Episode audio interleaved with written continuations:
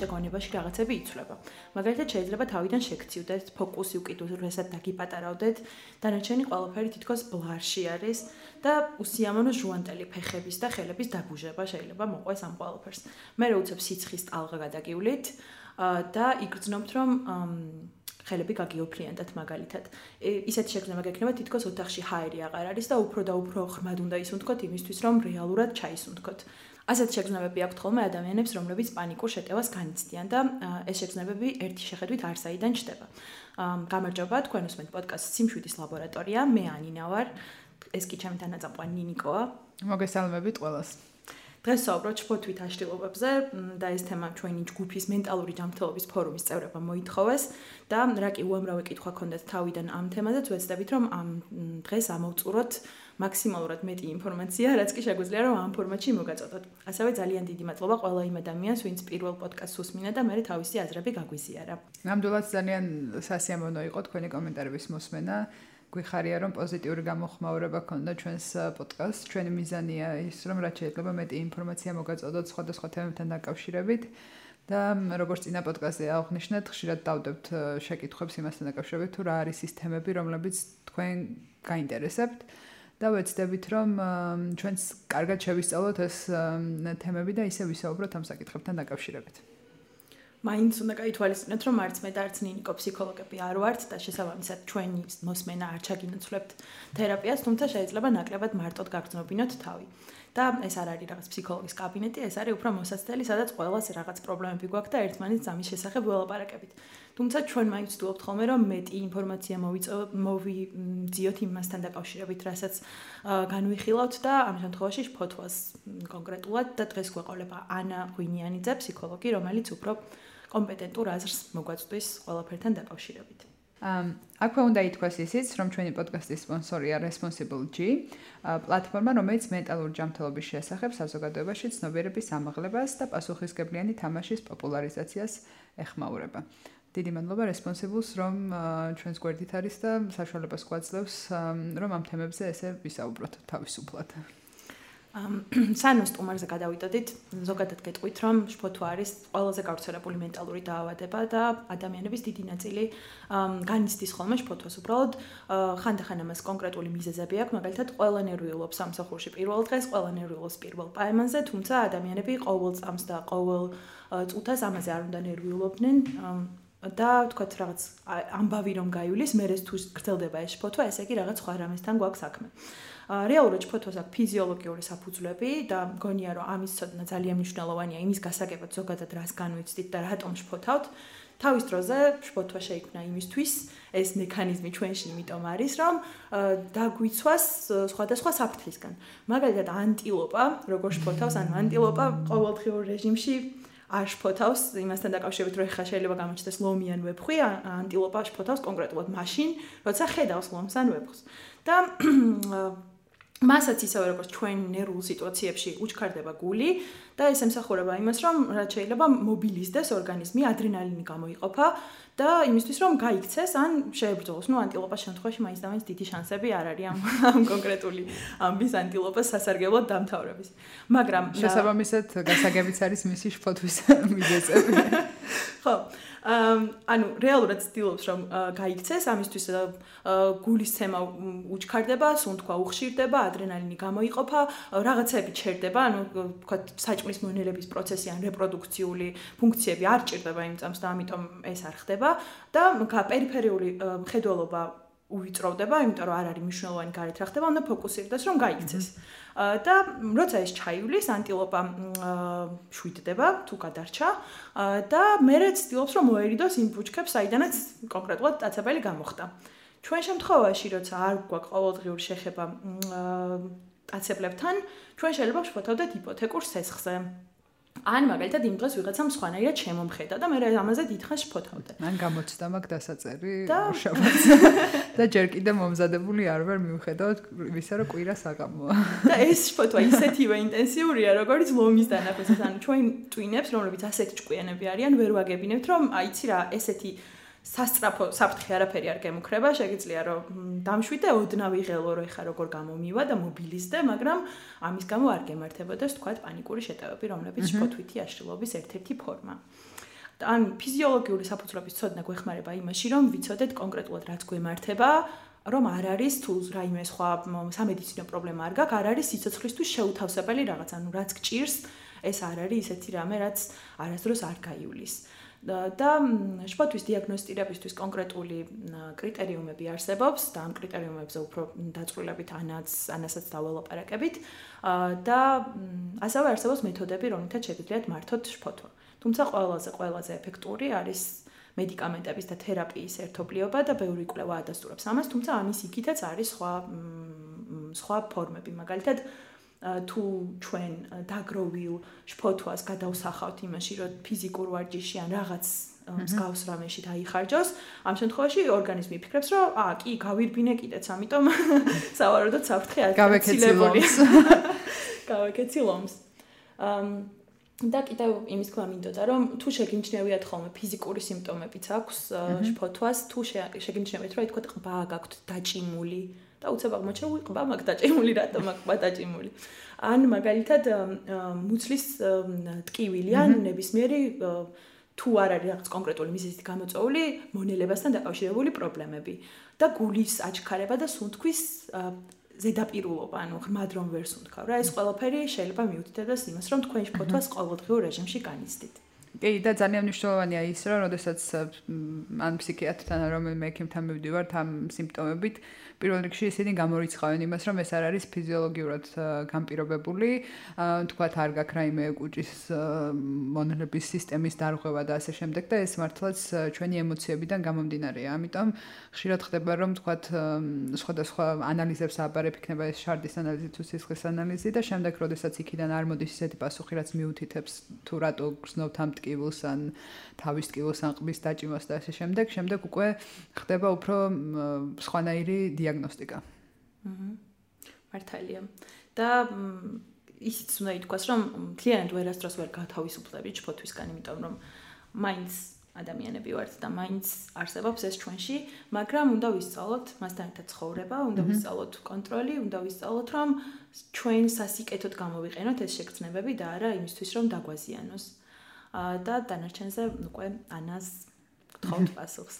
ხო, თუმცა თუ კი განიცდით შფოთვას ან ნერვიულობას რაღაც თემებთან დაკავშირებით და ამ პოდკასტს უსმენთ, ნუ იფიქრებთ ეგრე რომ შფოთვითი აშლილობა გაქვთ, როგორც უკვე აღნიშნეთ, ეს ბუნებრივი მოვლენაა და რაღაც თავდაცვის მექანიზმიც კი არის ადამიანისთვის, რომ თუ კი ვთქვათ რასაც საუბრობდით რომ გამოცდისთვის ნერვიულობ რაღაცნაირად შფოთვა უფრო გეხმარება რომ მეტად მობილიზებული იყო და ეს ძალიან ნორმალურია ამიტომ ყოველთვის როდესაც რაღაცაზე ნერვიულობთ არი ფიქრობთ რომ თქვენ რაიმე აშლილობა გაწუხებთ ამ პერიოდში. ან ალბათ ერთ-ერთი ყველაზე რთული ამ თემასთან დაკავშირებით სწორედ ეს არის რომ განარჩიო ერთმანეთისგან რა გაწუხებს და რატომ გაწუხებს და შენი ორგანიზმი რატო პასუხობს გარემო პირობებს ისე როგორც პასუხობს.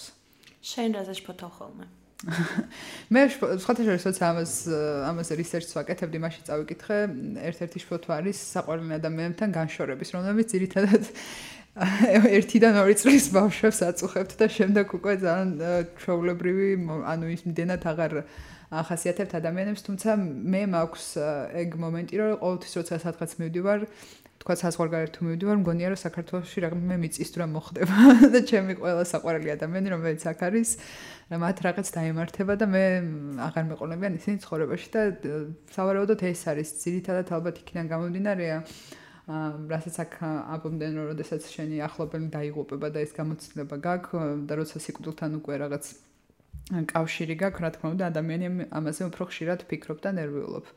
და მე ვფიქრობ, რომ ჩემი შფოთვები სწორედ აქედან გამომდინარეა, თუმცა ვერ ვიტყვი, რომ ეს რაიმე აშლილობაში გადამდის, თუმცა რაღაცნაირად ხანდახან დისკომფორტს მიქნის ხოლმე ამაზე ფიქრი და შემდეგ უბრალოდ ვამბობ, რომ ეს თავს ვაკნევ და ვამბობ, რომ ეს არ არის რაციონალური და ესე ყველა ერთ დღეს არ ამოწყდება ალბათ ჩემს გარშემო. და ყოველთვის ისაა, რომ იმას კი არ ვფიქრობ, რომ მე და მემართება რამე. არამედ მათ დაემართება. მათ დაემართება. მიუხედავად ისა, რომ მიფრინავ და მე უფრო რისკის ქვეშ ვარ შეიძლება, მაინც მგონია რომ სხვებს დაემართებათ რაღაც. მე მგონი ეს მარტო თქვა ჩენი ბრალი ბჭყალებში არ არის და ცოტა საქართველოს ბრალი. მიწის რა არ ვიცი, მაგრამ რამდენჯერ წავედი, იმდენჯერ სხვანაირი პოლიტიკური სიტუაცია მოხდა, როცა ჩამოვედი, ასე რომ გასაგებია ჩემთვის ეს სენტიმენტი. ეს ესეც საინტერესოა, რომ ეს ყველაფერი ისეთ სტრესულ გარემოში გვიწყობს გვიწევს ცხოვრება მით უმეტეს პანდემიის პირობებში და ასე შემდეგ ძალიან სავარაუდოდ რაღაცნაირად რაციონალურიც არის რომ რაღაცებზე ინერვიულო და იშფოთო და ისე ისე არ იყო რომ საერთოდ ფეხებზე გაკიდოს და საერთოდ არ ქონდეს ამასთან დაკავშირებით ემოციები ალბათ ეგ კიდე უფრო სხვა სახის საშუალებაა უკვე როდესაც არანაირი შფოთვას არ განიცდი მაგრამ მაინც რაღაცნაირად ეხა ფსიქოლოგთან საუბრისასაც და ისედაც ყოველთვის ნათელია რომ ამ შფოთვამ არ უნდა შეგიშალოს ხელი ნორმალურ ცხოვრებაში და თქვა არ უნდა დაგაკარგვინოს ხალისი რომ ისეთი რაღაცები აკეთო რასაც აკეთებ. არ უნდა კონდეს იმის ის მდგომარეობა არ უნდა კონდეს რომ თქვა სახლიდან ვერ გადიხარ საერთოდ ან ქალაქს ვერ ტოვებ ან მანქანაში ვერ ჭდები და ასე შემდეგ. მიუხედავად იმისა რომ რაღაც დონეზე შეიძლება შენი გონება ახდეს ამ შფოთვის რაციონალიზაციას და გახსენდება ცუდი მაგალითები ყოველთვის რომ ყოველთვის რაღაცა საშინელება ხდება. მაგრამ ეს თუ იმდენად აა იმდენად მოქმედებს თქვენზე, რომ საერთოდ ფიზიკურად ვერანაირ აქტივობას ვერ აკეთებთ, მაშინ ესე იგი ეს რაღაც სხვა პრობლემაა და არა უბრალოდ შფოთვა, რომელიც ნებისმიერ ადამიანს აწუხებს ყოველ დღე. ხო, ძალიან ბევრ ადამიანს ამის გამო, თქვა შფოთვის გამო, თქვა არ შეუძლია, რომ ნორმალურად ისწავლოს მაგალითად, იმიტომ რომ თქვა ეშინია სოციალური სიტუაციების, ან მაგალითად სამსახურში ვერ მიდის, ან სამსახურში განიცდის შფოთვას რაღაც საკუთარ performance-თან დაკავშირებით ან რამდენად კარგად მუშაობს ან რამე სხვა ადამიანები რო აფასებენ. მე მაგალითად ჩემი მთავარი ფოტოების წყარო არის ეგ რომ ადამიანები გაფასებენ და ნებისმიერი სოციალური შფოთვის საფუძველში ეგდევს და შეიძლება მაგის გამო ერიდებოდე თქვა სადმე გასვლას მეგობრების წრეშიც მათ შორის ან არა მეგობრების წრეში მით უმეტეს. აა სიტყვით გამოსვლას და ასევე მე მახსოვს ეგეთი შეგრძნება აი ძალიან ღრმა ბავშვობიდან, რომ აი ხელს ვიწევდი იმიტომ რომ ვიცი რომ ხელი უნდა აიწიო როცა პასუხი იცი და ამავე დროს ძალიან არ მინდოდა რომ ჩემთვის ეთქვათ რომ მე და მიკვირდა ხოლმე რომ აი თუ მინდა რომ თქვათ ვუპასუხო რატომ ღამ ეშინია რომ ვუპასუხო? და ალბათ აქ სადღაც მოკლედ მანდ მანდ იყო ის საფუძვლები რომლებსაც პრობლემების რომლებსაც რეალურად ვებწვი და ვცდილობ რომ გავიგო და უკეთესად მოვექცე ჩემ თავს ამ ყოველფრის გათვალისწინებით. კი მეც მქონდა რაღაც პერიოდი ცხოვრებაში ზოგადად არასდროს არ მიჭირდა საზოგადოების წინაშე გამოსulis და რაღაც ამ თქვა აუდიტორიის წინაშე წარდგენის და საუბრის. აქ დავამატებ რომ ნიკარი ჩვენი TikTok-ის ვარსკვლავი, ასე რომ არ უჭირს და ჩემი TikTok-ს ვერ ნახავ იმავე channel-ზე.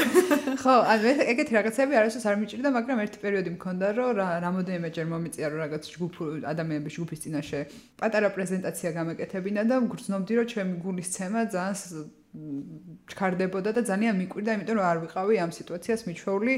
მაგრამ გონია რომ ჩემი იმ პერიოდში ჩემი თქვათ სულიერი თუ ემოციური მდგომარეობიდან გამომდინარე აქ კონვერტირდებოდა ის ყველა ემოციები, რასაც სხვა სიტუაციაში ვიკლავდი და ალბათ შენს იცი და როცა ამ შფოთვაზე საუბრობთ, ანუ ხშირად არის რომ დეპრესიაც არის მასთან ერთად რაღაც კავშირში. და თქოს ეს ორი მეგობარია, რომელიც ძალიან უკვე მეგობრებიან. ძალიან დიდი მადლობა თუ შეიძლება აღარ მე მეგობროთ თქვენ. ტოქსიკური მეგობარი, რომელსაც კონტაქტი არ არის საჭირო. თუმცა აი ძალიან საინტერესოა ყოველთვის ეხლა რაც ახსენე TikTok-ი, თუნდაც თუ ბევრ ადამიანთან გიწევს კონტაქტი და ადამიანთა ჯგუფში არ გიჭირს ყოფნა, როგორც მე მაგალითად ყოველთვის ვცდილობ რომ როდესაც ჩემი მეგობრები მეუბნებიან რომ აი ტელეფონზე რომ ირეკავენ შფოთავან რაღაც ეხა როგორც შენ თქვი რომ აი TikTok-ს ვერ ვერ ვნახავთ მე და რაღაც.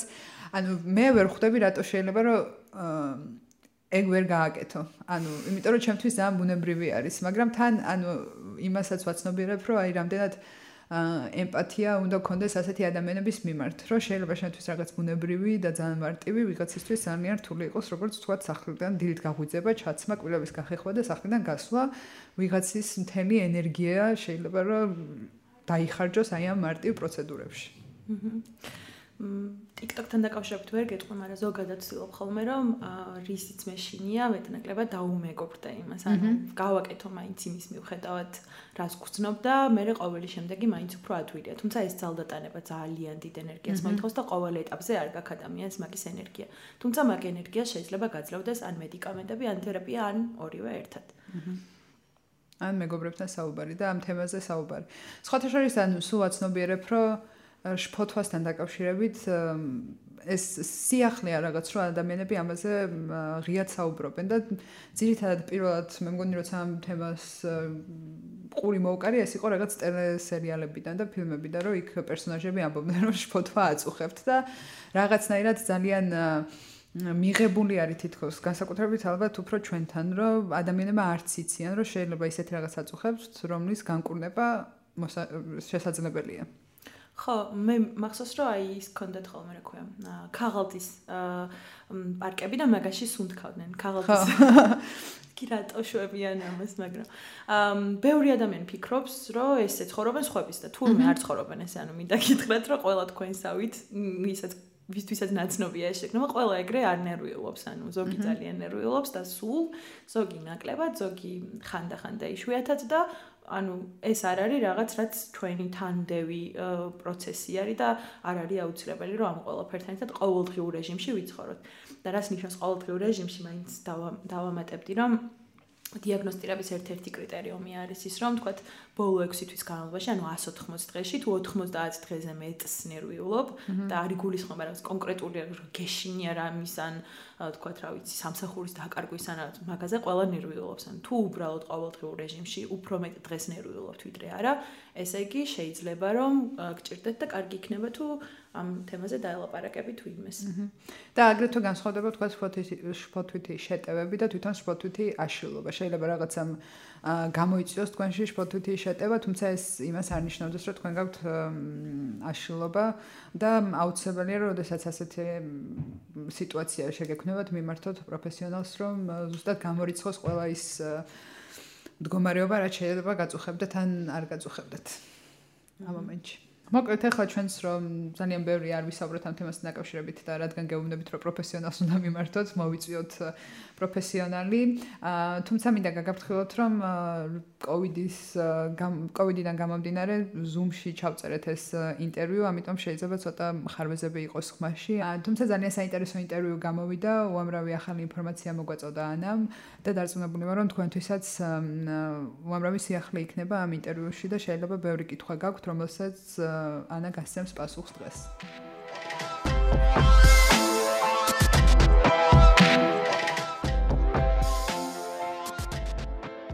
ძალიან მიყვარს ის, რასაც ვაკეთებ.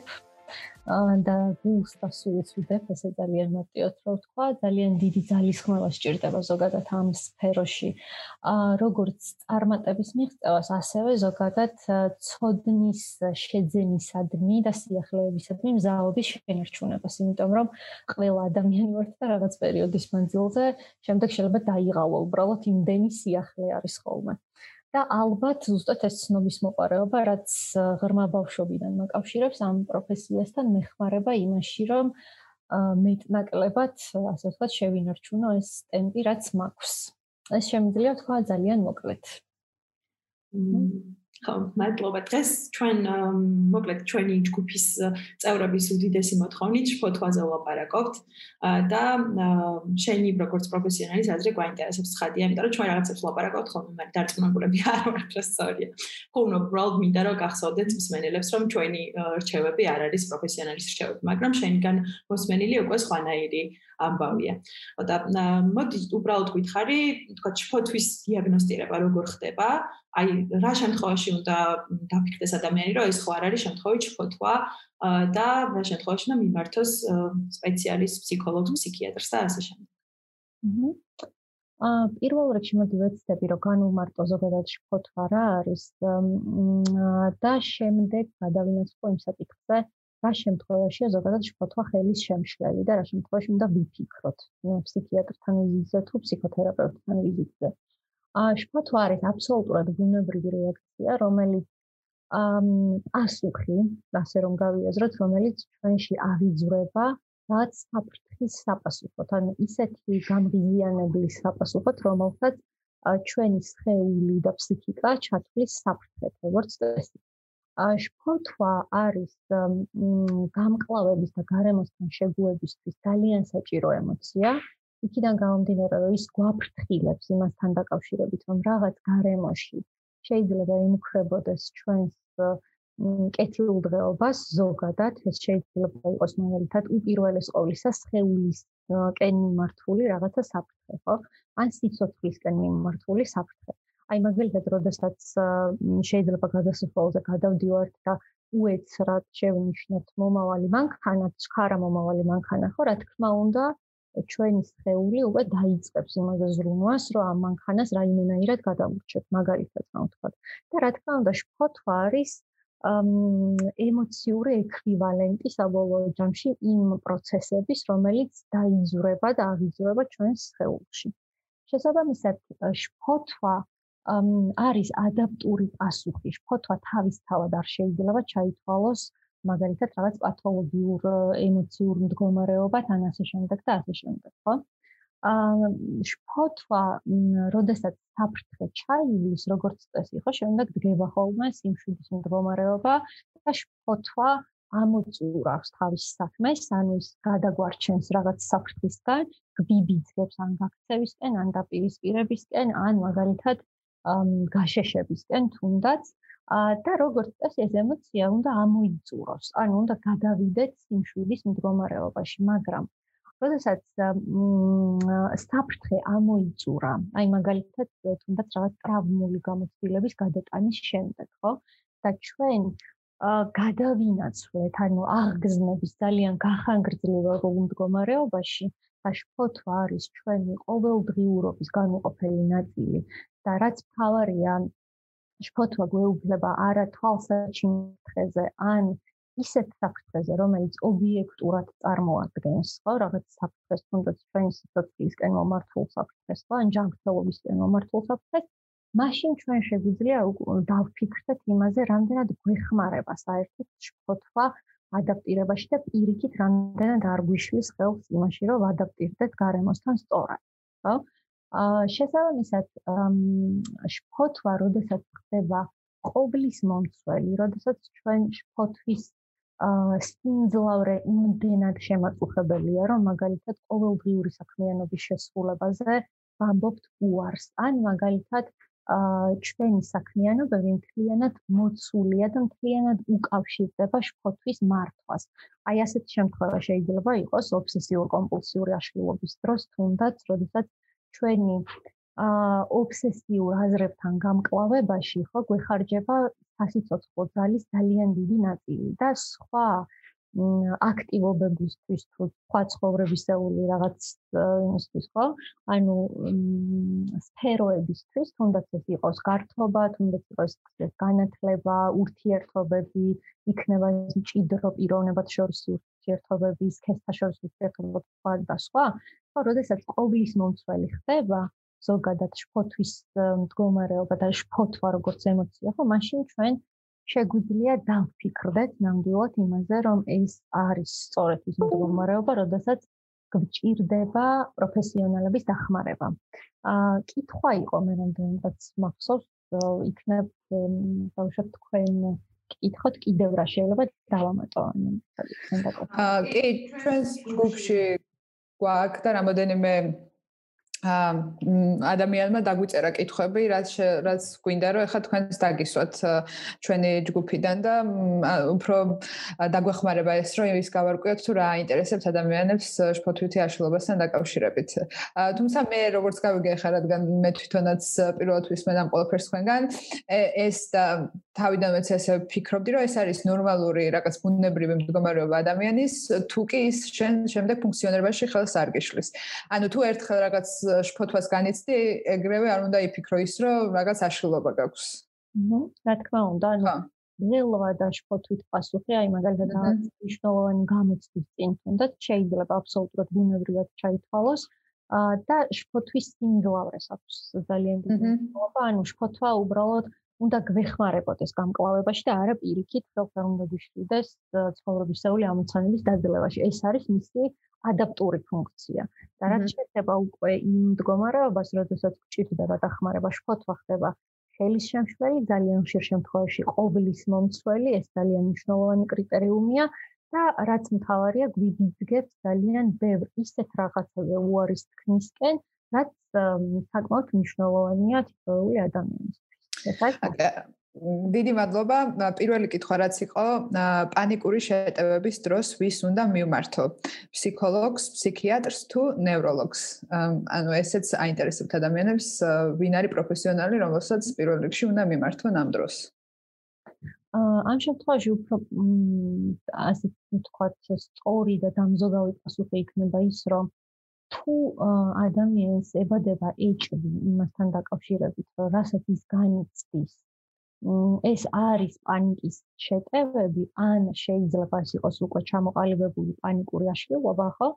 აა პირველი სპეციალისტი, რომელსაც სასურველია მიმართოთ, არის ფსიქიატრი ასეთ შემთხვევაში, იმიტომ რომ სწორედ ის ადგენს ზოგადად პანიკის შეტევები, რის ფარგლებშია. ანუ ძალიან ხშირად მაგალითად პანიკის შეტევებს ადამიანები აიგივებენ პანიკურ აშლილობასთან და ეს არ არის სწორი დაშვება, იმიტომ რომ პანიკის შეტევები შეიძლება სხვადასხვა ფსიქიკური აშლილობის ფარგლებშიც ჩამოყალიბდეს და იმისთვის რომ ზუსტად აი ეს მდგომარეობები ერთმანეთისგან განსხვავდეს, ანუ გასცეს ადამიანმა ხო პასუხი კითხვას რომ პანიკის შეტევების სინამდვილეში რის ფარგლებშია? მაგალითად პანიკური აშლილობის ფარგლებში მოხს პანიკის შეტევები თუ შეიძლება სოციალური შფოთვის ფარგლებში მოხს პანიკის შეტევები ხო მაგალითად?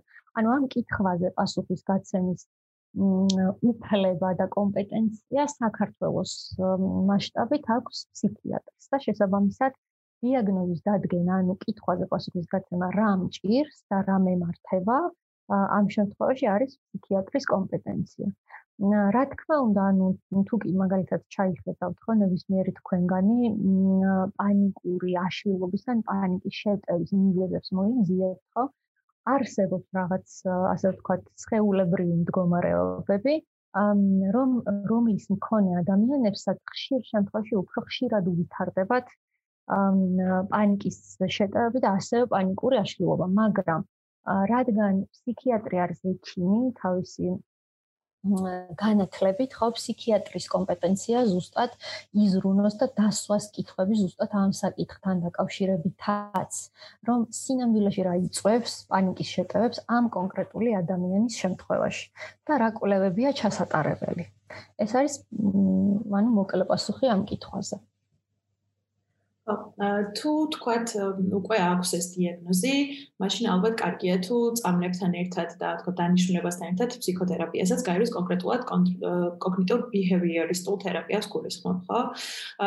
როგორც ვიცი, თქვათ ფოთვის შემთხვევაში ყველაზე ეფექტური მეთოდი ეს არის.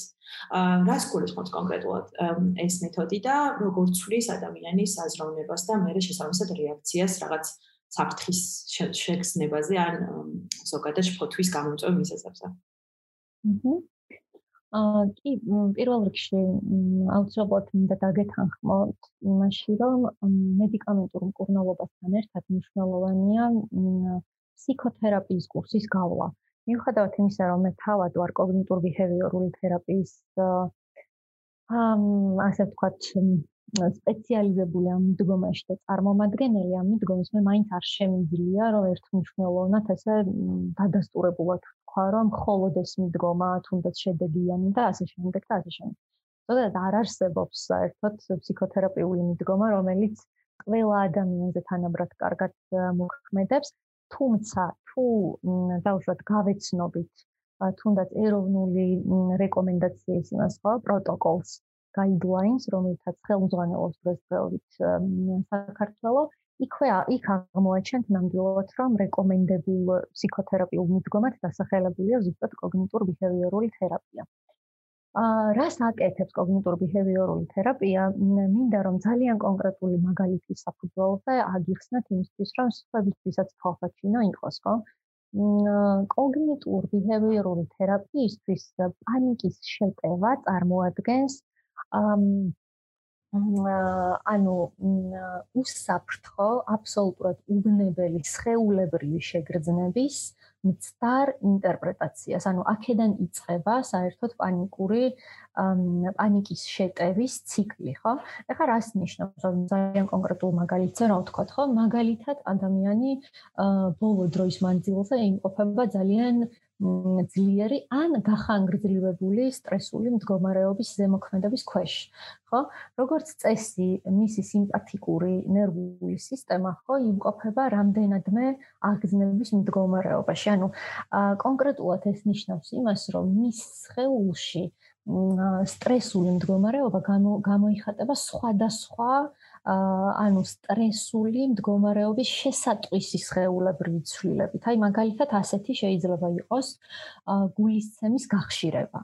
ან სუნთქვის გაზედაპირულება. მაგრამ სტრესული მდგომარეობის რაღაც საწყის საფეხურზე შეიძლება ადამიანი უბრალოდ ნაკლებად გაფაციცებული ან ნაკლებად მგრძნობიარე იყოს თვითონ ამ ცვლილებების მიმართ, რომელიც სტრესული მდგომარეობის მიერ დაძრულ ცვლილებებს უკავშირდება ზოგადად ორგანიზმში და სხეულში. ხო? მაგრამ დროთა მანძილზე შეიძლება ზუსტად აი ამ ცვლილებების მიმართ, აი მაგალითად გახშირებული გულისცემის მიმართ, ხო, ადამიანი გახდეს უფრო მეტად მგრძნობიარე. და მაგალითად შეიძლება მე თვეების მანძილზე ცოტათი უფრო გახშირებული გულისცემით, ასე ვთქვათ, ცხოვრობდე ჩვეულებრივ, მაგრამ ერთ მშვენიერ დღეს, ეს ერთი მშვენიერ დღე ძალიან რთული დასადგენია და არ შეგვიძლია ამის წინასწარმეტყველება სინამდვილეში რატომ ხდება უეცრად მთელი ყურადღების მიპყრობა, ასე ვთქვათ, ზუსტად აი ამ გახშირებული გულისცემისკენ, მაგრამ ფაქტი არის ის, რომ ეს გახშირებული გულისცემა რაღაცნაირად ექცევა ხოლმე ადამიანის ყურადღების ქვეშ. და ის ამ გულისცემას თვლის, გახშირებულ გულისცემას თვლის სიცოცხლისკენ მიმართულ არ დაუვალ საფრთხეთ. აი ეს არის პანიკის შეტევის ძალიან მნიშვნელოვანი განმასხვავებელი თავისებურება სხვა სახის შფოთვითი მდგომარეობებისგან, ხო? რომ მე მაგალითად გულისცემას, ან მაგალითად თავბრუსხვევას, ან თუნდაც დერეალიზაციის განცდას ეს შეგრძნება, ხო, უშუალოდ რომ შეგრძნებების ცვლილება და ერთობლიობა, ხო, რომელიც სტრესული მდგომარეობის შედეგად სხვადასხვა ძალიან ხშირად ვლინდება ხოლმე ადამიანებში. შეიძლება ეს დერეალიზაცია ან თუნდაც დეპერსონალიზაცია, ან მაგალითად თავბრუსხვევა, ან გახშირებული გულისცემა მე ჩავთვალო ჩემი სიცოცხლისკენ მიმართულ მყისიერ და გარდაუვალ საფრთხეთ. აი, როდესაც ჩემი გონება, ასე ვთქვათ, ან თლიანი ორგანიზმი აი ამ უწყინარ ხო, მდგომარეობას ჩათვლის საფრთხეთ, ხო? მაშინ მე ვიწყებ იმაზე ფიქრს, ეს კოგნიტური კომპონენტია უკვე, რომ რა მემართება? ვაი თუ ეს იყოს გულის შეტევა, ან ვაი თუ ეს იყოს მაგალითად თუნდაც თავის ტვინის რაღაც სერიოზული დაზიანება, ხო? როდესაც თავბრუს ხვევა არის ხოლმე, ეს ხეულებრივი შეგრძნება რითაც იწება. საბოლოო ჯამში პანიკის შეკავა, ხო?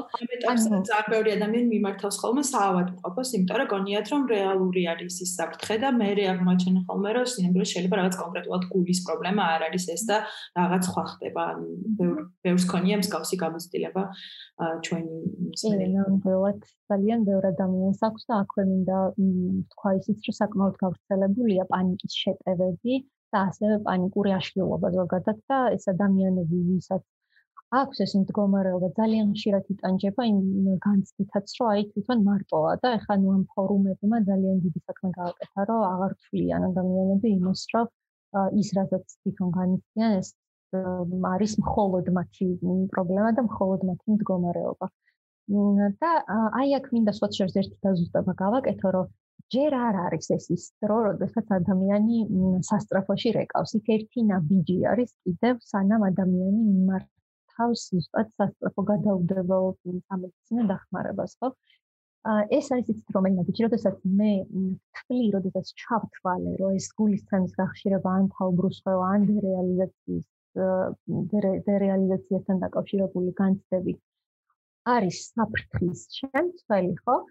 აი ზუსტად აი ამ შეფასების შემდეგ იწყება, რა თქმა უნდა, უფრო გახშირებული გულისცემა, გახშირებული სუნთქვა, იმიტომ რომ სინამდვილეში მე ყველაფერი ჩავთვალე საფრთხეთ და ზუსტად აი ეს შეფასება, ხო, კიდევ უფრო აძლიერებს, რა თქმა უნდა, იმ სხეულებრივ შეგრძნებებს თუ მოვლენებს, რომელმაც დაძრა საბოლოო ჯამში აი ეს პანიკის შეტევა.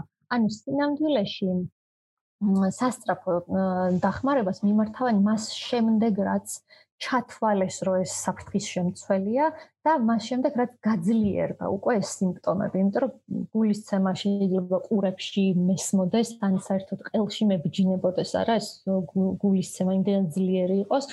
თან ამას მოხდება სუნთქვის გაზედაპირულება სუნთქვის გაზედაპირულება თავისთავად თუ კი მე ამყევი და ეს უმართავი პანიკის შეტევაა, ხო? სუნთქვის გაზედაპირულება კიდე უფრო თავ მეტად განაპირობებს იმას, რომ თავბრუ მეხვევა და თავისთავად შეიძლება უფრო ვწუნდები იმაში, რომ ეს არის საფრთხის შემცველი მდგომარეობა და სწორედ ეს წუთია ძალიან ხშირ შემთხვევაში ის, როდესაც მე გადავწყვეტ, რომ მივმართო სასწრაფო სამედიცინო დახმარებას, ხო, დახმარებისთვის. ეხლა რაც შეეხება მოდელს რომ დავუბრუნდეთ, ხო, ან მნიშვნელოვანი კომპონენტი არის არამხოლოდ გარდაცვალების შიში, არამედ კიდევ სხვა ტიპის შიშები რომლებიც ვლინდება როგორც წესი პანიკის შეტევის დროს. და ეს არის საკუთარ ქმედებაზე კონტროლის დაკარგვის შიში, რომ პანიკა გახდება, ანუ ეს განგაშის მდგომარეობა იმდენად ყოვლის მომცველი იქნება, რომ მე გავაკეთებ რაღაცა ისეთს, რაც ჩემთვის ან მორალურად მიუღებელია მაგალითად, ან შეიძლება განცდა მაქვს, რომ სხვა დავაზიანო ამ მდგომარეობაში.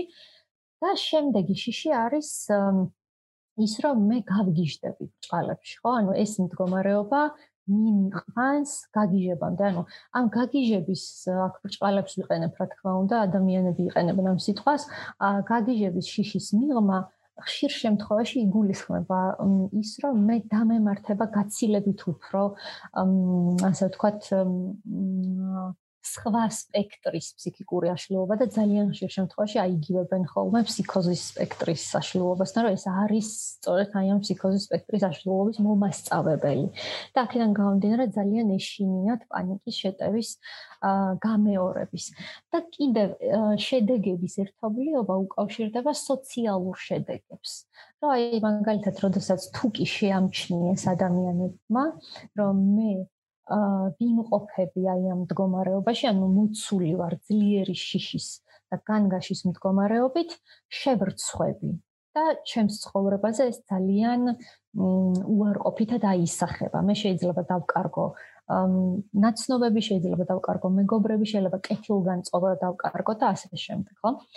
აა ქცევების ერთობლიობა, რომელსაც აუცილებლად ვაფასებთ ხოლმე, არის რა თქმა უნდა ის ქცევები, რომლებიც უშუალოდ პანიკის შეტევაზეა პასუხი, აი მაგალითად სასტრაფო სამედიცინო დახმარების ბრიგადის გამოძახება, თუნდაც და არის ეგრეთ წოდებული განრიდების ქცევები.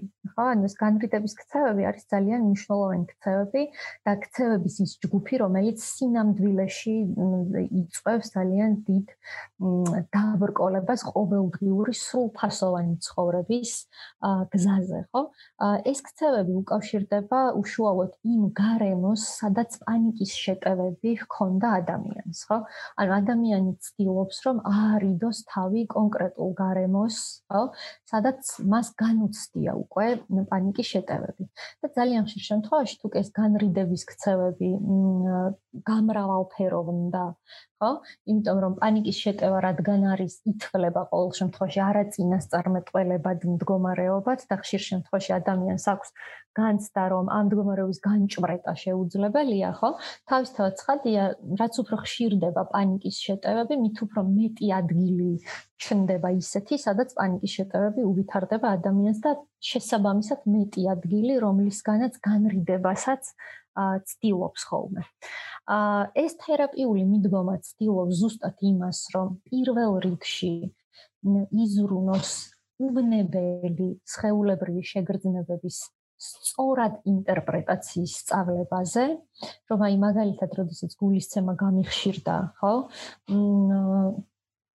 აქამდე, ასე ვთქვათ, ამ გულისცემის გახშირებას არ დავუზიანები ვარ და შესაბამისად ჩემი დაშვება, რომ ეს გულის შეტევის მომასწავებელი არასწორი იყო, ხო? და ამიტომ ვცდილობ, რომ სწორი დამოკიდებულებები ჩამოვიყალიბო უშუალოდ ამ სხეულებრივი შეგრძნების მიმართ. უმნიშვნელოვანესია ფსიქოგანათლება ასეთ შემთხვევაში, რომ ადამიანებმა იცოდნენ რა მდგომარეობა ზოგადად პანიკის შეტევა, საერთოდ იწევს ამას და რა ხდება სხეულში. აი მაგალითად რატომ გვაქვს კიდურების დაბუჟების შეგრძნება, როდესაც პანიკის შეტევა გვაქვს, ხო? ან რატომ გვაქვს დერეალიზაცია და პერსონალიზაციის განცდა პანიკის შეტევის შემდეგ და ასე შემდეგ, ხო? და რაც თავია ქცევებზე მუშაობა გულისხმობს ძალიან ხშირ შემთხვევაში ეგრეთ წოდებული უსაფრთხოების უზრუნველყოფის ფისკცევებზე უარის თქმას, მაგალითად, სასწრაფო სამედიცინო დახმარების გამოძახებაზე უარის თქმას თავშეკავებას სულ მცირე, მაგალითად, წნევის მნიშვნელობის შემოწმებაზე უარის თქმას, ხო, ანუ ამ შემთხვევაში, აა და მათ შორის, სხვათა შორის უსაფრთხოების უზრუნველყოფის ქცევებში შეიძლება შედიოდეს აი სხვა ადამიანთან ერთად, მაგალითად, გარეთ გასვლა. ესეც უსაფრთხოების უზრუნველყოფის ქცევა და მაინც დავაზუსტად ანუ ვთქვათ თუ ადამიანი ვერ გადის მაგალითად სახლიდან მარტო ეგეთი შემთხვევებიც არსებობს ხოლმე. და ვთქვათ ვიღაცას თხოვს. ეს დათფური სამსახურია მოკლედ რო ვთქვათ ანუ ვთქვათ ვიღაცას თხოვს რომ მოდი შენ მოდი ჩემთან ან ერთად წავიდეთ სადღაც და ასე შემდეგ ამ შემთხვევაში ეხმარება სხვა ადამიანი თუ ხანგრძლივი დროის მანძილზე ეს ყალიბდება როგორც უსაფრთხოების უზრუნველყოფის ერთ-ერთი ქცევა. ანუ მე ვცდილობ საკუთარი დაურწმუნებლობისგან გამომდინარე, ანუ მე მუდმივად მაწუხებს განცდა რომ ვერ გავუმკლავდები დამოუკიდებლად პანიკის შეტევას და აქედან გამომდინარე ვცდილობ მყავდეს ერთგვარი საყრდენი, ანუ ადამიანი რომელთან ერთადაც მე შევძლებ, ასე ვთქვათ, დანიშნულების ადგილამდე მისვლას თუნდაც და ასე შემდეგ, ხო? რა თქმა უნდა, დროთა მანძილზე მე ეს პანიკის შეტევა მხოლოდ ასეთი მხარდაჭერით და პანიკური აშლილობა არ ამოიწურება, იმიტომ ადამიანმა უნდა ისწავლოს დამოუკიდებლად გამკლავება ზუსტად ამ პანიკის შეტევებთან და შესაძლოა დამატებითი უსიამოვნო შედეგები მოხდეს მაგალითად ნუ კონკრეტულ ადამიანთან ურთიერთობის გაუარესებით და ასე შემდეგ ხო? ანუ ესეც გასათვალისწინებელია როგორც წესი. ანუ ეს უსაფრთხოების უზრუნველყოფის ქცევებზე როდესაც მუშაობთ ხოლმე. და შემდეგი ჯგუფი რასაც კოგნიტურ ბიჰევიორული თერაპია იყენებს პანიკის შეტევების მართვის უნარის გასაუმჯობესებლად ეს არის ქცევის ექსპერიმენტები, რომელიც უშუალოდ მოიცავს იმ სხეულებრივი შეგრძნებების წინაშე პირისპირ დგომას და ამ შემთხვევაში გამოწვევას მაგალითად შესაძლოა ეს ქცევის ექსპერიმენტი მოიცავდეს გულისცემის გახშირებას განზრახ და ეს თავისთავად შეიძლება ადასტურებდეს იმას ადამიანისთვის რომ აი გულისცემის გახშირებას არ მოხვება ისეთი კატასტროფული შედეგი, რომელსაც მე ველოდები პანიკის შეტევის დროს. უბრალოდ აქ აუცილებლად უნდა დავაზუსტო ის, რომ არსებობს, რა თქმა უნდა, სამედიცინო მდგომარეობები, რომელიც ხელს უშლის თუნდაც ქცევის ექსპერიმენტის გამოყენებას. და იქიდან გამომდინარე, რომ არსებობს ისეთი სამედიცინო მდგომარეობები, რომელიც რომლის სიმპტომებიც ზოგადად ჰგავს ამ პანიკის შეტევის წინ მსწრებ იმებს შეგრძნებებს ხო? აქედან გამომდინარე ძალიან ფრთხილად უნდა დაიგეგმოს საბოლოო ჯამში ზუსტად აი ეს ქცევის ექსპერიმენტები. და ზოგადად მაინც რეკომენდებულია რომ ადამიანი ადამიანის სხეულის ჯანმრთელობა ასე ვთქვათ იყოს საკმაოდ ისე კარგად შეფასებული, იმიტომ რომ ნებისმიერ დაუშვათ გზამკვლევში თქვენ ნახავთ იმას, რომ მაინც საჭიროა რაღაცა მდგომარეობების გამორიცხვა და გადამოწმება და ამას როგორც წესი უზრუნველყოფს ფსიქიატრი გადამისამართების საფუძველზე. აი ეს არის მოკლედ რაც შემიძლია ვთქვა კოგნიტურ ბიჰევიორულ მოდელზე თუ გაქვთ დამატებითი კითხვები, რა თქმა უნდა, სიამოვნებით პასუხებთ. კი რაღაც რა რამოდენიმე შეკითხვები კიდევ იყო ჩვენს ჯგუფში, თუმცა ძალიან დიდი მადლობა ამ ინფორმაციისთვის. მიუხედავად იმისა, რომ მოკლედ იყო, თან ძალიან საინტერესო და უამრავი ახალი ინფორმაცია მოგვაწოდეთ უკვე დღეს და ერთ-ერთი კითხვა იყო მედიკამენტოზურ კუნალობასთან დაკავშირებით. არ ვიცი ხა თქვენ რამდენად ალბათ ეს ზუსტად არ არის შეიძლება თქვენი სფერო, მაგრამ შეიძლება რომ რაღაცნაირად მივაწოდოთ ხალხს ინფორმაცია. როდესაც შფოთვის შფოთვის შეაშლობის კურნალობას ვიწყებთ, ვთქვათ მედიკამენტოზურად, აი რას უნდა მოელოდეს პაციენტი, რომ რამდენ ანუ როგორ მოქმედებს ზოგადად, ვთქვათ რამხელა კურსი სჭირდება, ვთქვათ ეს არის 6 თვიანი, 1 წლიანი თუ როდის ანუ აინტერესებდა ძირითადად ვთქვათ მათი მდგომარეობის გაუმჯობესება, რამდენ ხანში იწყება, თუ ეს უბრალოდ ინდივიდუალური არის ყველა.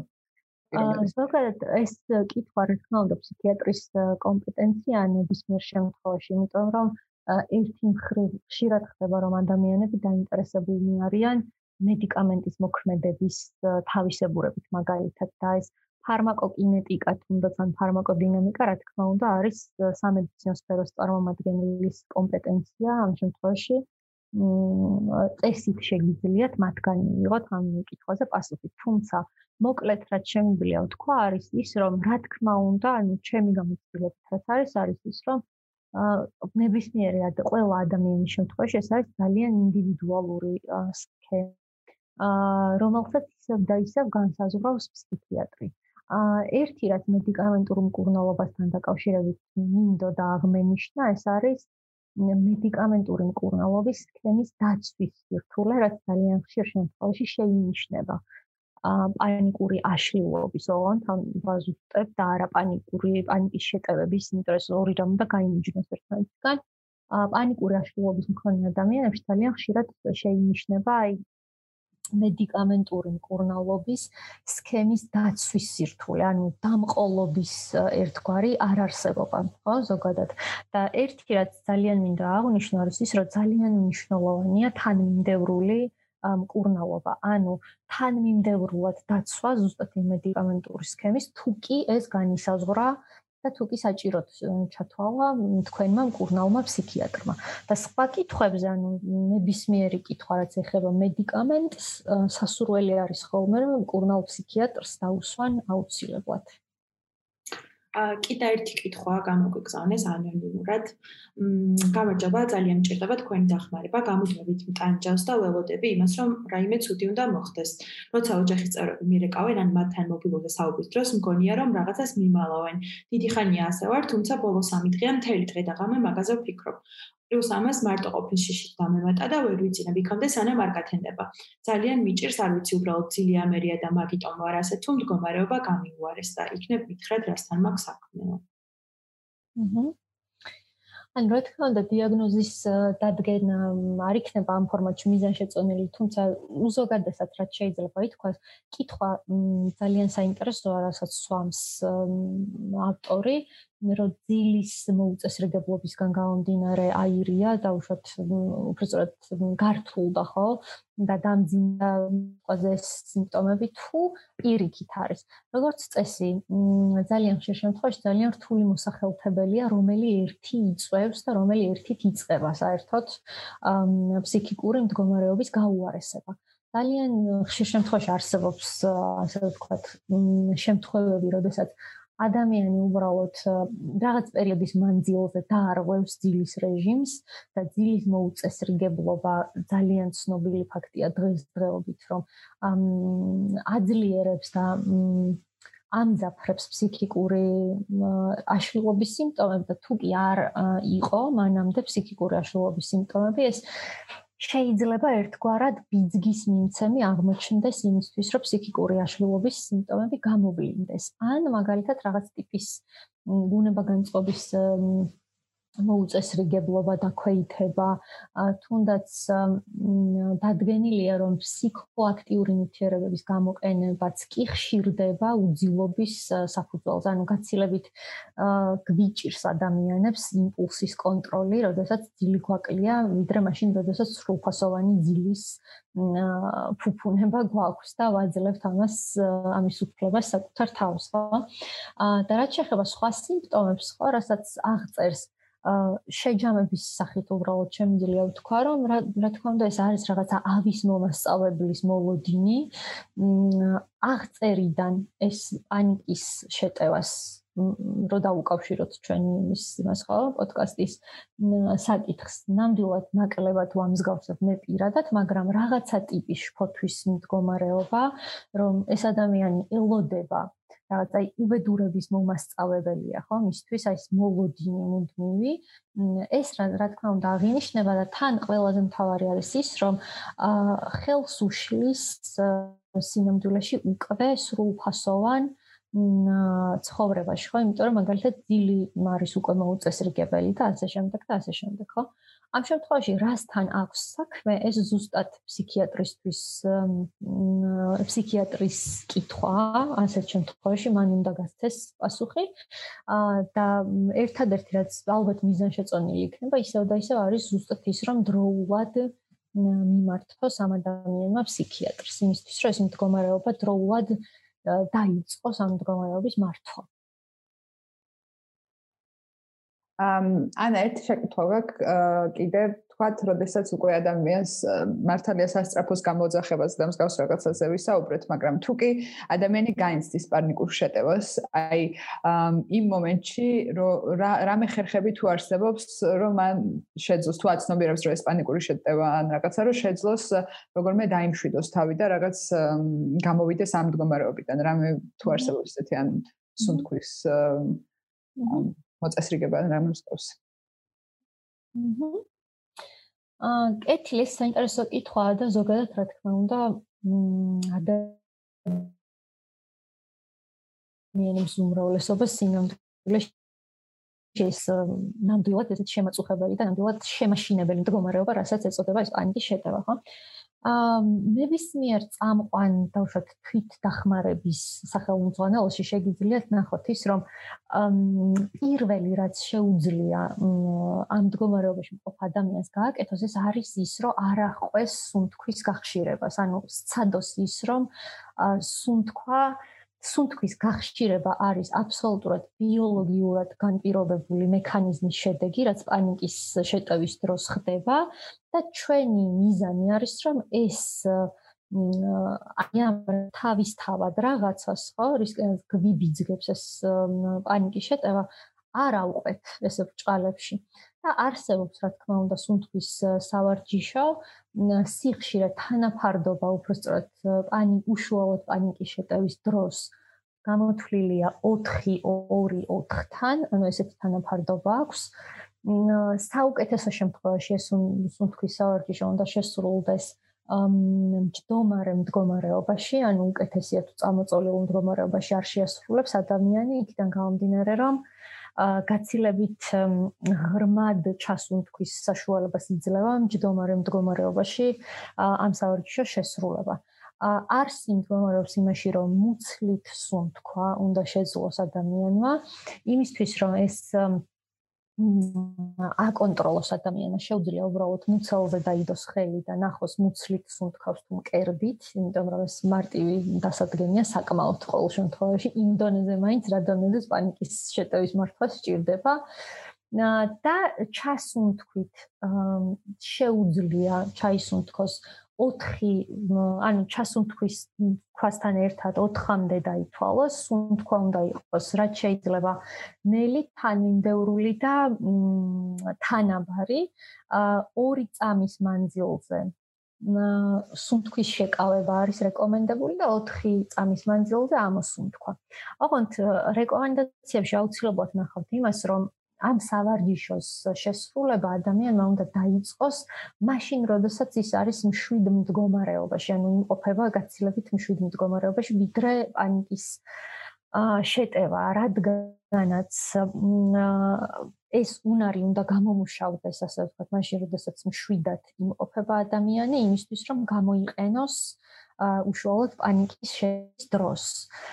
რეკომენდებული სიხშირე არის დაახლოებით დღეში ორჯერ მაინც ამ სუნთქვის სავარჯიშოს შესრულება 5 წუთის მანძილზე. აა ოღონდ აქვე მინდა რომ დავაზუსტო რომ ძალიან ხშირ შემთხვევაში მხოლოდ სუნთქვის სავარჯიშოები აა არ არის ხოლმე შედეგის მომტანი, სუნთქვის სავარჯიშოები მოქმედებს მას შემდეგ ძალიან ხშირად მოქმედებს მას შემდეგ რაც ადამიანმა უკვე ძალიან კარგად გააცნობიერა ის, რომ პანიკის შეტევა არ არის საფრთხის შემცველი. ანუ მან ისწავლა ის, აზრობრივ დონეზე ისწავლა ის, რომ პანიკის შეტევის სიმპტომები არის აბსოლუტურად უბნებელი და მას შეუძლია, რომ პანიკის შეტევა გააჩეროს დასაწყისში. და ეს გაჩერება შეუძლია ერთი მხრივ იმის გამო, რომ ის მან იცის უკვე მის თავს რა ხდება, რომ ეს არაერთხელ განუცდია, რომ არაერთხელ განცდის შედეგად არ დაზიანებულა, კონტროლი არ დაუკარგავს საკუთარ ქმედებებზე და არ გაგიჟებულა ბჭალებში და შესაბამისად ახლაც, ასე ვთქვათ, არ მოხდება მსგავსი რამ და მას უკვე შეუძლია რომ ეს სუნთქვის სავარჯიშო გამოიყენოს. ეს არის ერთ-ერთი მნიშვნელოვანი გზა. კიდევ არსებობს გზები ეგრეთ წოდებული სამახსოვრო ბარათების შექმნაო და სამახსოვრო ბარათები ხო ისევ და ისევ წარმოადგენს ზუსტად სწორი დამოკიდებულებების გადატანას წერილობითი სახით ბარათებზე. იმიტომ რომ როდესაც ხა პანიკის შეტევის დროს ძალიან რთულია თან განსაკუთრებით დასაწყისში, როდესაც სწავლობ მართვას, რომ სწრაფად გაგახსენდეს, რომ ეს ანუ რასაც მე შევიგრძნობ თუნდაც ეს გულის ცემის გახშირებას, ხო? ეს არ არის მაგალითად გული შეტევაზე მინიშნება და ასე შემდეგ და ასე შემდეგ, ხო? და სანამ ვისწავლე მე ამას, სანამ ჩემს გონება, ასე ვთქვათ, გაიწურთნება, ეს ახალი ინფორმაცია გაჯდება, ასე რომ ვთქვათ, მანამდე შემიძლია გამოვიყენო ზუსტად ეს სამახსოვრო ბარათები. აი ეს არის თვითდახმარების ძირითადი გზები და აღსანიშნავია ის რომ ძირითადად მაინც სუნთქვის სუნთქვის გაწონა სწორებაზე და გათანაბრებაზე გადის პანიკის საწყის საფეხურზე შეჩერება.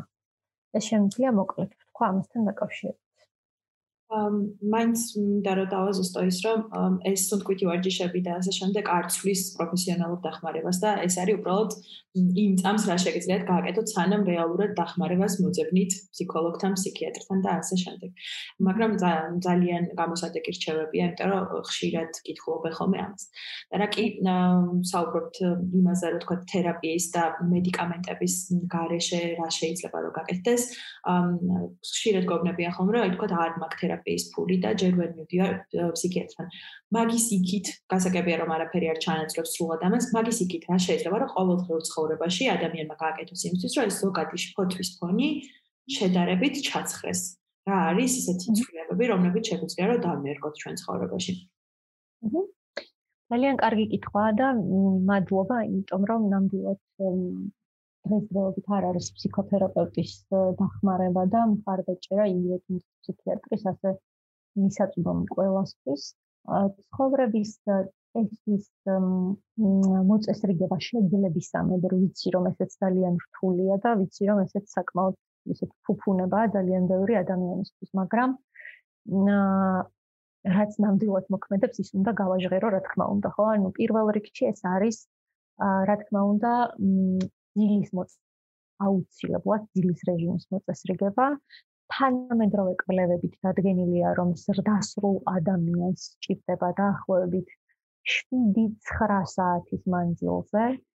საშუალო მაჩვენებელია ეს 7-9 საათის მანძილზე უწყვეტი ძილი სასურველია უწყვეტი ძილი. ესეც ვიცი რომ ძალიან დიდი უფუნება იმიტომ რომ ძილი ბევრი ბევრი გარემოების გამო ხშირ შემთხვევაში ვიწყდება ხოლმე, მაგრამ ეს მაინც თუ შეიძლება რომ ჩაგეკითხოთ ძილთან დაკავშირებით, თქვათ 7-8 საათი გასაგებია, მაგრამ იმას თუ აქვს მნიშვნელობა, რომ თქვათ აი ღამის 4 საათზე დაიძინე და 7 საათი გეძინა, თუ ჯობია რომ ღამის 12 საათიდან დაიძინო 7 საათი, ანუ მაგ განსხვავება ეგ განსხვავება თუ გაქვს ძილის პროცესში. მაგ განსხვავება ძალიან კარგი კითხვა არის და კი, რა თქმა უნდა, იმიტომ რომ ჩვენ როგორც არსებობს რომელსაც მოწესრიგებული გვაქვს ეს ცირკადული რიტმი, ასე ვთქვათ, ნამდვილად არსებობს დილის დრო და ნამდვილად არსებობს გვიძარების დრო, ასე ვთქვათ.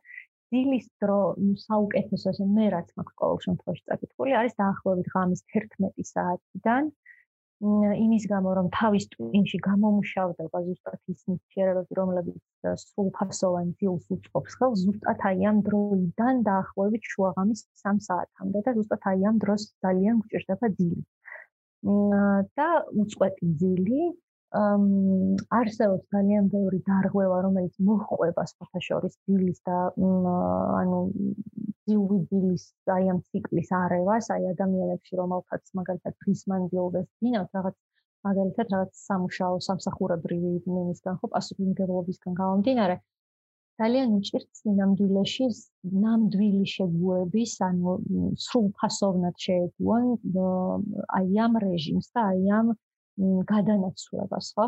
ამიტომ დილის დრო ნამდვილად არის ღამე ჩვენს ადამიანების შემთხვევაში. აა და ხანგრძლივობა ზუსტად 7-9 საათია, ეს საშუალოდ ზრდასრული ადამიანისთვის. პირველ რიგში ეს არის აუცილებელი, მეორე რაც არის არის კონკრეტული საკვები ნივთიერებებისგან, სხვათა შორის საკვები ნივთიერებების მიღებისგან თავშეკავება, აი დღესაც ვკითხულობდი ამ კვლევებს და დადგენილია, რომ თუნდაც კოფეინი ყველა მივიცით, რომ კოფეინი არის კოფეინისადმი ქცევითი მგრძნობიარობა, ასეთი ტერმინია დამკვიდრებული. აი თუ დააკვირდებთ, აი არიან ადამიანები, რომლებსაც რომლებიც როდესაც მიიღებენ კოფეინს, ხო თითქოს ეს კუნთური დაძაბულობა იმატებს და თან რაც მთავარი ეს შფოთვის დონეც იმატებს ხოლმე. აქედან გამომდინარე ამ პანიკის შეტევის ჩამოყალიბების მზაობაც თავისთავად უფრო მეტად იმატებს ხოლმე, ხო? ანუ არის საკვები ნივთიერებები, რომელთა ამოღებაც არის რეკომენდებული საერთოდ ხო, როდესაც გვაქვს ერთგვარი მოწყვლადობა ზუსტად ამ პანიკის შეტევების ჩამოყალიბებისკენ და რა თქმა უნდა ნიკოტინიც არის ერთ-ერთი ნივთიერება, რომელიც აძლიერებს აძლიერებს იმ ადამიანებს ვისაც უკვე აქვს ზოგადად აი ეს ასე ვთქვათ მიდრეკილება ზუსტად პანიკის შეტევების ჩამოყალიბებისკენ, ხო? აა ალკოჰოლიც ხო?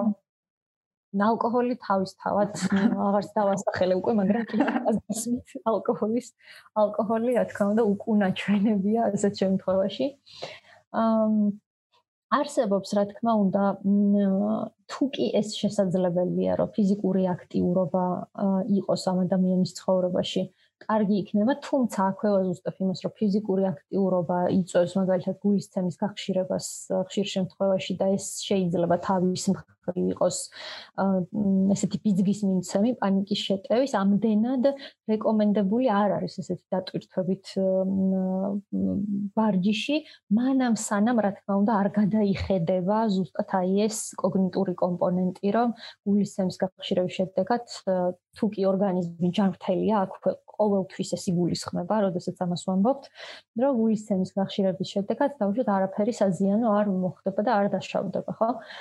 და არის რა თქმა უნდა ისეთი აქტივობები, რომლებიც ერთი მხრივ სიამოვნების განცდას გვანიჭებს და მეორე მხრივ აქტიობები, რომლებიც კმაყოფილების განცდას გვანიჭებს. ეს სქემა პრაქტიკულად უნივერსალურია ფსიქიკური აშლილობების უმრავლესობისთვის, მათ შორის შფოთვითი აშლილობებისთვის, ხო? იმისთვის რომ არ მოიცვას, ასე ვთქვათ, პანიკის შეტევებმა, ან პანიკურმა აშლილობამ ადამიანის ცხოვრება მთლიანად. ანუ სინამდვილეში ეს არის ცხოვრების წესის მაქსიმალური გათავისუფლება იმ ხელშემწყობი გარემოებებისგან, რასაც შეუძლია რომ შეინარჩუნოს პანიკის შეტევები და დამატებით შეიძლება ზუსტად აი ეს ისეთი აქტივობები, რომლებიც იწვევს ზოგადად ფსიქიკური კეთილდღეობის განცდის გაძლიერებას. ეს იქნება სიამოვნების აღმძვრელი აქტივობები თუ კმაყოფილების აღმძვრელი აქტივობები, ხო? მოკლედ შეიძლება ესე ჩამოყალიბდეს ეს რეკომენდაციები. ძალიან ძალიან დიდი მადლობა. დარწმუნებული ვარ, რომ უამრავ ადამიანს გამოადგება ეს ცოდნა და ჩვენ ჩვენი მხრივ დავამატებდით, რომ აუცილებლად მიმართონ სპეციალისტ თუ გრძნობენ თავს მუდმივად აღელვებულად, მუდმივად შფოთავენ, იმიტომ რომ არავინ არ არის არავინ არ არის მოკლედ ამისთვის განწირული, რომ სულ ესე იყოს და დახმარების თხოვნა სისუსტის ნიშანი არ არის პირიქით. აა მოკლედ ძალიან დიდი მადლობა ანა. ჩვენ მოსაუბრეთ. ანა ღვინიანიძეს, რომელმაც გაგვიზიარა მოკლედ თავისი გამოცდილება და რჩევებიც, როგორ შეგვიძლია რომ უშუალოდ მოკლედ ჩვენს თავს შფოთვის და პანიკური შეტევების დროს.